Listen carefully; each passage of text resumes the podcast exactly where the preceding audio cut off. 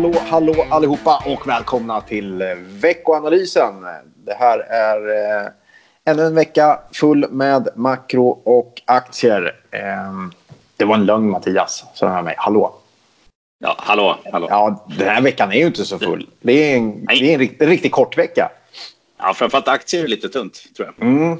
Ja, det är det faktiskt. Vi har ju eh, halvdag på onsdag. Det är stängt på torsdag och eh, klämdag på fredag. Så det är tämligen tunt på aktieområdet.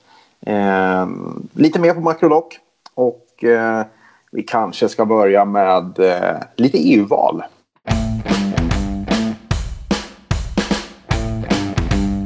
Ska man vara helt ärlig. Nej, EU-parlamentet spelar inte så där jättestor roll för marknaderna. Eller vad säger du Mattias? Sällan är det ju så att olika former av val har stort genomslag. Det hade ja, om man tittar på vissa nationella val för tre, fyra decennier sedan så fick det ju lite mer genomslag. Men i och med globaliseringen så har det där avtagit faktiskt. Man ser ibland lite stök på valutamarknaden, sällan på, på aktiemarknaden. Faktiskt.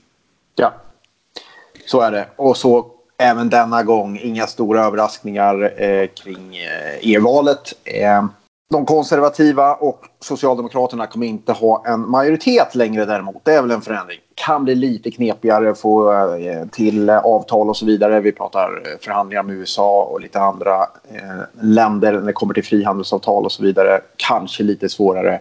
Men ska vi vara helt ärliga, är det inte riktigt som Sveriges riksdag när det kommer till parlamentet utan lite vinklippt, har inte riktigt så mycket makt. Det är mycket, bland annat landar det ju allt mer på eh, ministerrådet, heter det va? Eh, som, som sitter på en hel del makt. Så att, nej, det är inte så där superviktigt val, även om vi lägger mycket tid och kraft på det.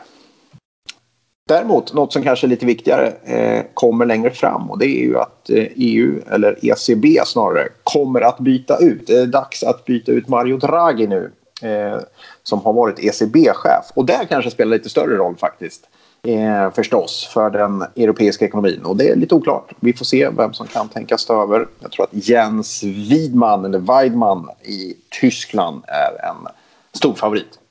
Eh, med eh, Erkki Likkanen som en, eh, en, eh, från, från Finland som en tänkbar kandidat kanske. Men det får vi se. Det är kanske någonting man ska ha lite mer eh, koll på. Än, eh, och så naturligtvis eh, biltullarna då som jag har skjutits fram på tiden. Men det kommer också vara viktigt naturligtvis vad gäller EU framöver. Absolut, Så. absolut. Och kanske är det så att de förhandlingarna blir lite svårare med ett mer eh, otydligt läge i parlamentet. Vi får se. Vi får se. Övrigt, vad händer på det makroekonomiska läget, Mattias? Ja, det händer ju massor som vanligt, men eh, jag tycker vi först fokuserar lite grann på det vi eh, har lagt ner mycket tid på senaste eh, veckorna och det är ju att skriva en ny strategirapport. Och där ingår ja. naturligtvis makroekonomiskt läge. Eh, men det skulle jag säga, det kanske är en av delarna. Vi tittar ju även naturligtvis förutsättningar på värdepappersmarknader, lite grann marknadshumör och liknande. Vi gör olika kvantitativa modeller för att räkna på förutsättningar och så vidare för att egentligen komma fram till en investeringsindikator. Men eh, den som är intresserad av att läsa en 60 sidor lunta så finns den att tillgå på vår hemsida bland annat. Eh, och jag tänkte väl dra lite kort eh, vad mm. vi säger i den. Vad tror du om det?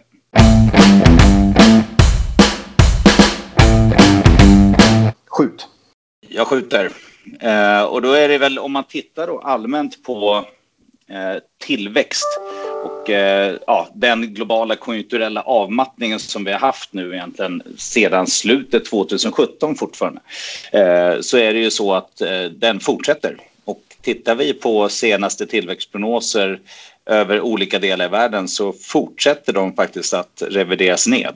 Så mm. tittar man på global tillväxt i år så väntas den vara 3,3 procent. Tittar man något år tillbaka i tiden så förväntades den i år vara ungefär 4 procent. Så det skruvas ner och det är framförallt de här cykliska ekonomierna, eurozonen, Sverige, Japan, där drar man ner förväntningarna. Eh, och tittar man då eh, framåt och olika såna här former av ledande indikatorer. Alltså oavsett om det är såna här inköpschefsindex eller andra såna här sentimentsindikatorer så pekar inte de på maximalt än en stabilisering. Absolut inte någon form av återhämtning utan det är, det är fortsatt ganska svag eh, makroekonomisk bild i de flesta länderna. Och mm. den lilla ljuspunkt som jag skulle säga finns är väl att man reviderar upp marginellt för den kinesiska ekonomin när man då ser att krediter och annat börjar kanske bottna och att det, det kommer lite mer stimulanser. Och naturligtvis så finns det även en, ja, en liten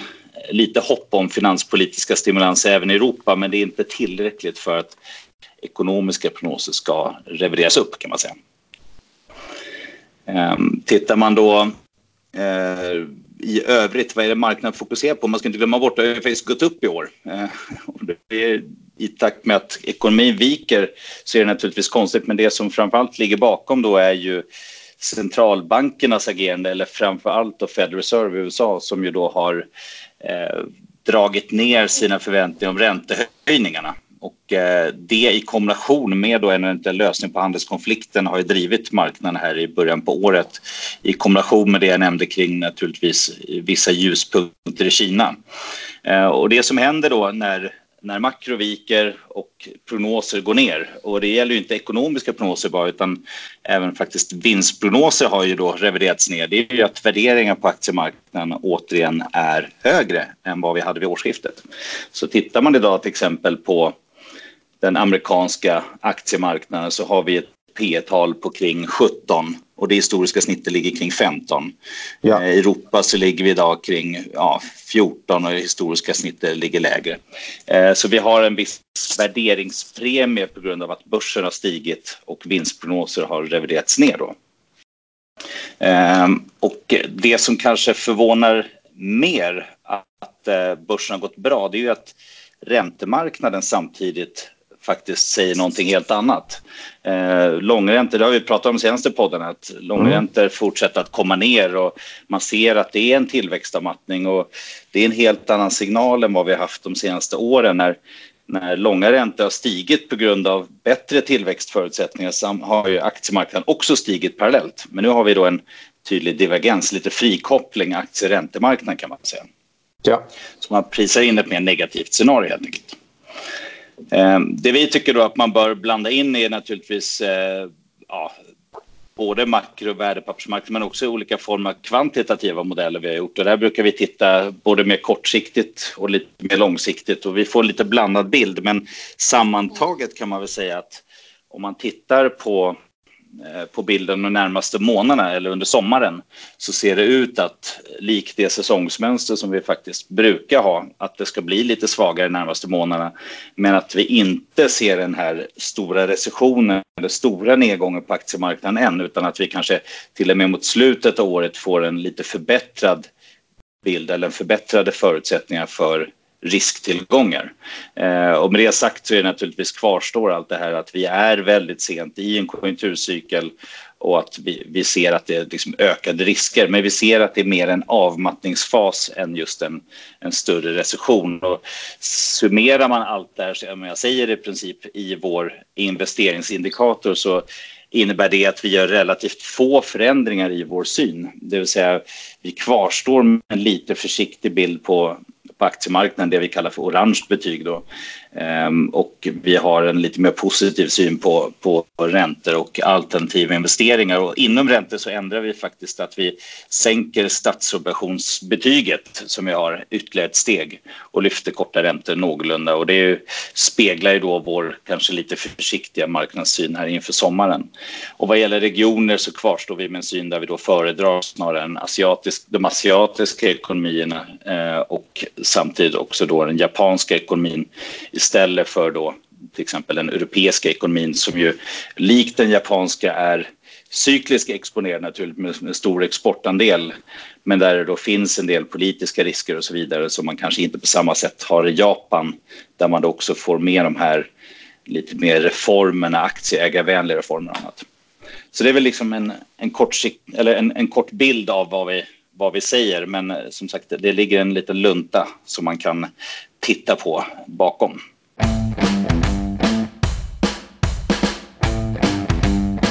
Ja, vill man grotta ner sig i det här så finns det hur mycket info och grafer och allt möjligt eh, att kika på eh, på hemsidan. Och det, är man intresserad, definitivt värt att göra det. Eh, det finns mycket, mycket gott att hämta ur eh, strategirapporten. Eh, absolut. Eh, bra, vi kan ta en grej som vi nämner i strategirapporten är ju ökad eh, geopolitisk risk.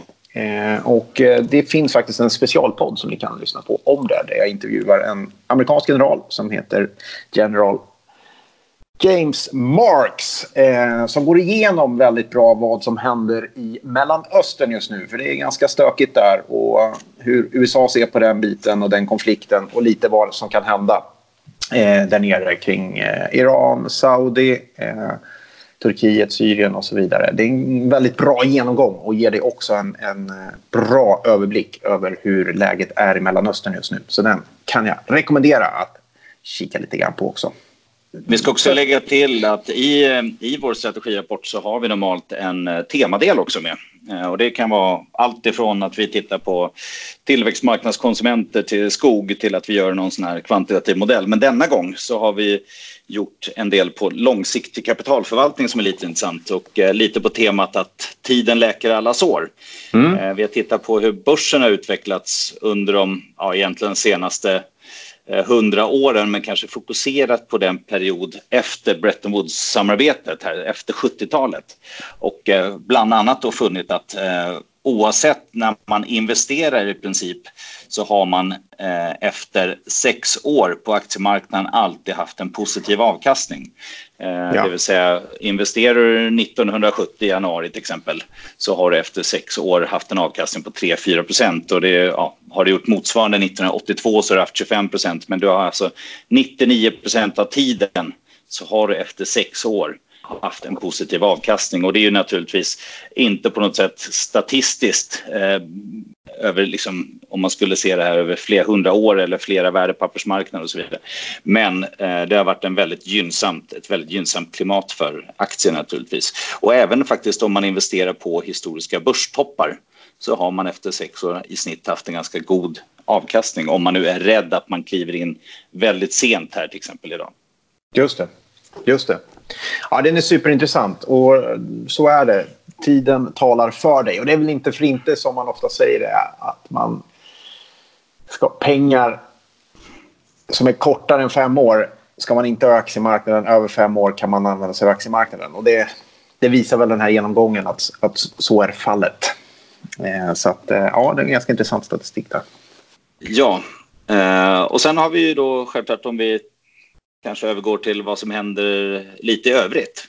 Mm. Eh, vi hade ju lite makrosiffror förra veckan eh, där jag då framför allt tycker att i eurozonen så kom det in såna preliminära inköpschefsindex. Jag nämnde det förut att ledande indikatorer eh, inte återhämtar sig men kanske stabiliseras. Och det, för sammansatt nivå i eurozonen då så ser det ut att vara en stabilisering kring 51,6.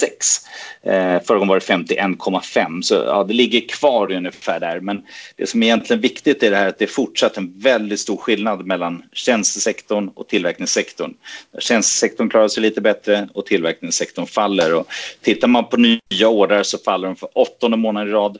Tittar man på förväntningen för det kommande året så är de på lägsta nivån sedan 2014. Och vi fick också i Tyskland förra veckan det här IFO-indexet som mäter aktivitet i tyskt näringsliv och det visar faktiskt en fortsatt nedgång. Så det är, det är inte så att vi får stora förbättringar på något sätt konjunkturellt, men kanske en viss stabilisering då. Just det, jag hörde, lyssnade på Audi som tillhör Volkswagen-gruppen så har Audi fått en, är ett dotterbolag, de har fått en ny vd, jag lyssnade på honom. Eh, och de har fortfarande problem med den här nya eh, ja, säger man, bränslereglerna eller hur bränslecykelreglerna när man ska eh, registrera nya motorer, nya bilmodeller och, och egentligen registrera vad de har för snittförbrukning. Där är nya regler eh, och, och, fortfarande nu, det var, började störa redan i höstas, som haft enorma problem och har fortfarande problem med det. Eh, så det var ju en ny EU-förordning som kom in, undrar om det heter VLPT kanske, eh, som fortfarande stör. Och det där verkar ju vara ett problem i hela fordonssektorn och det där tynger ju helt klart tysk ekonomi och gör det fortfarande. Så vi, vi får se eh, om, om det blir någon lösning på det där eh, vartefter. Men det borde det ju bli i alla fall. Det borde kunna få fordonsindustri att vakna till liv lite. Men vi får se. Ja, nej, det, nybilsregistreringen har ju gått ner under längre tid och det är ju naturligtvis för framförallt tysk ekonomi men för hela Europa så är det en jätteviktig sektor att fortsätta. Yes. Eh, händer massa, det måste jag också nämna. Det verkar som att eh, eh, Renault och Fiat är i samtal. Det kan bli någonting spännande. Eh, det har varit mycket snack om det hela helgen här. Så att eh, vi får se om det kan bli en ny europeisk biljätte här möjligtvis. Det lär komma mer information om det under veckan. Men det är också ganska spännande. Det sker grejer. Eh, annars då? Någonting annat man ska ha koll på?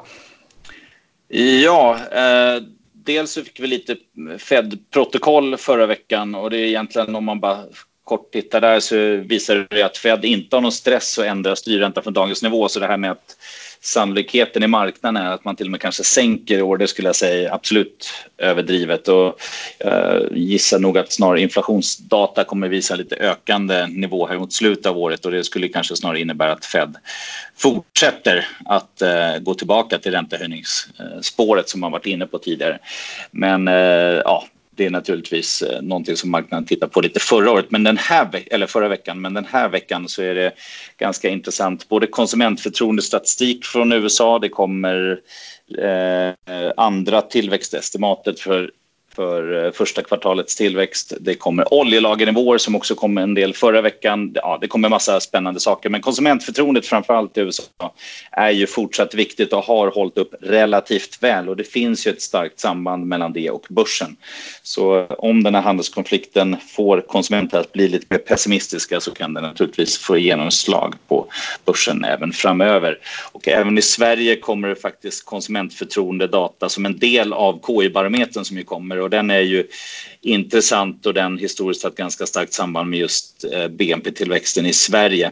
Och det som är intressant i den är ju att på aggregerad nivå så har den hållit upp någorlunda väl. Den ligger fortfarande över historiskt snitt den här KI-barometern.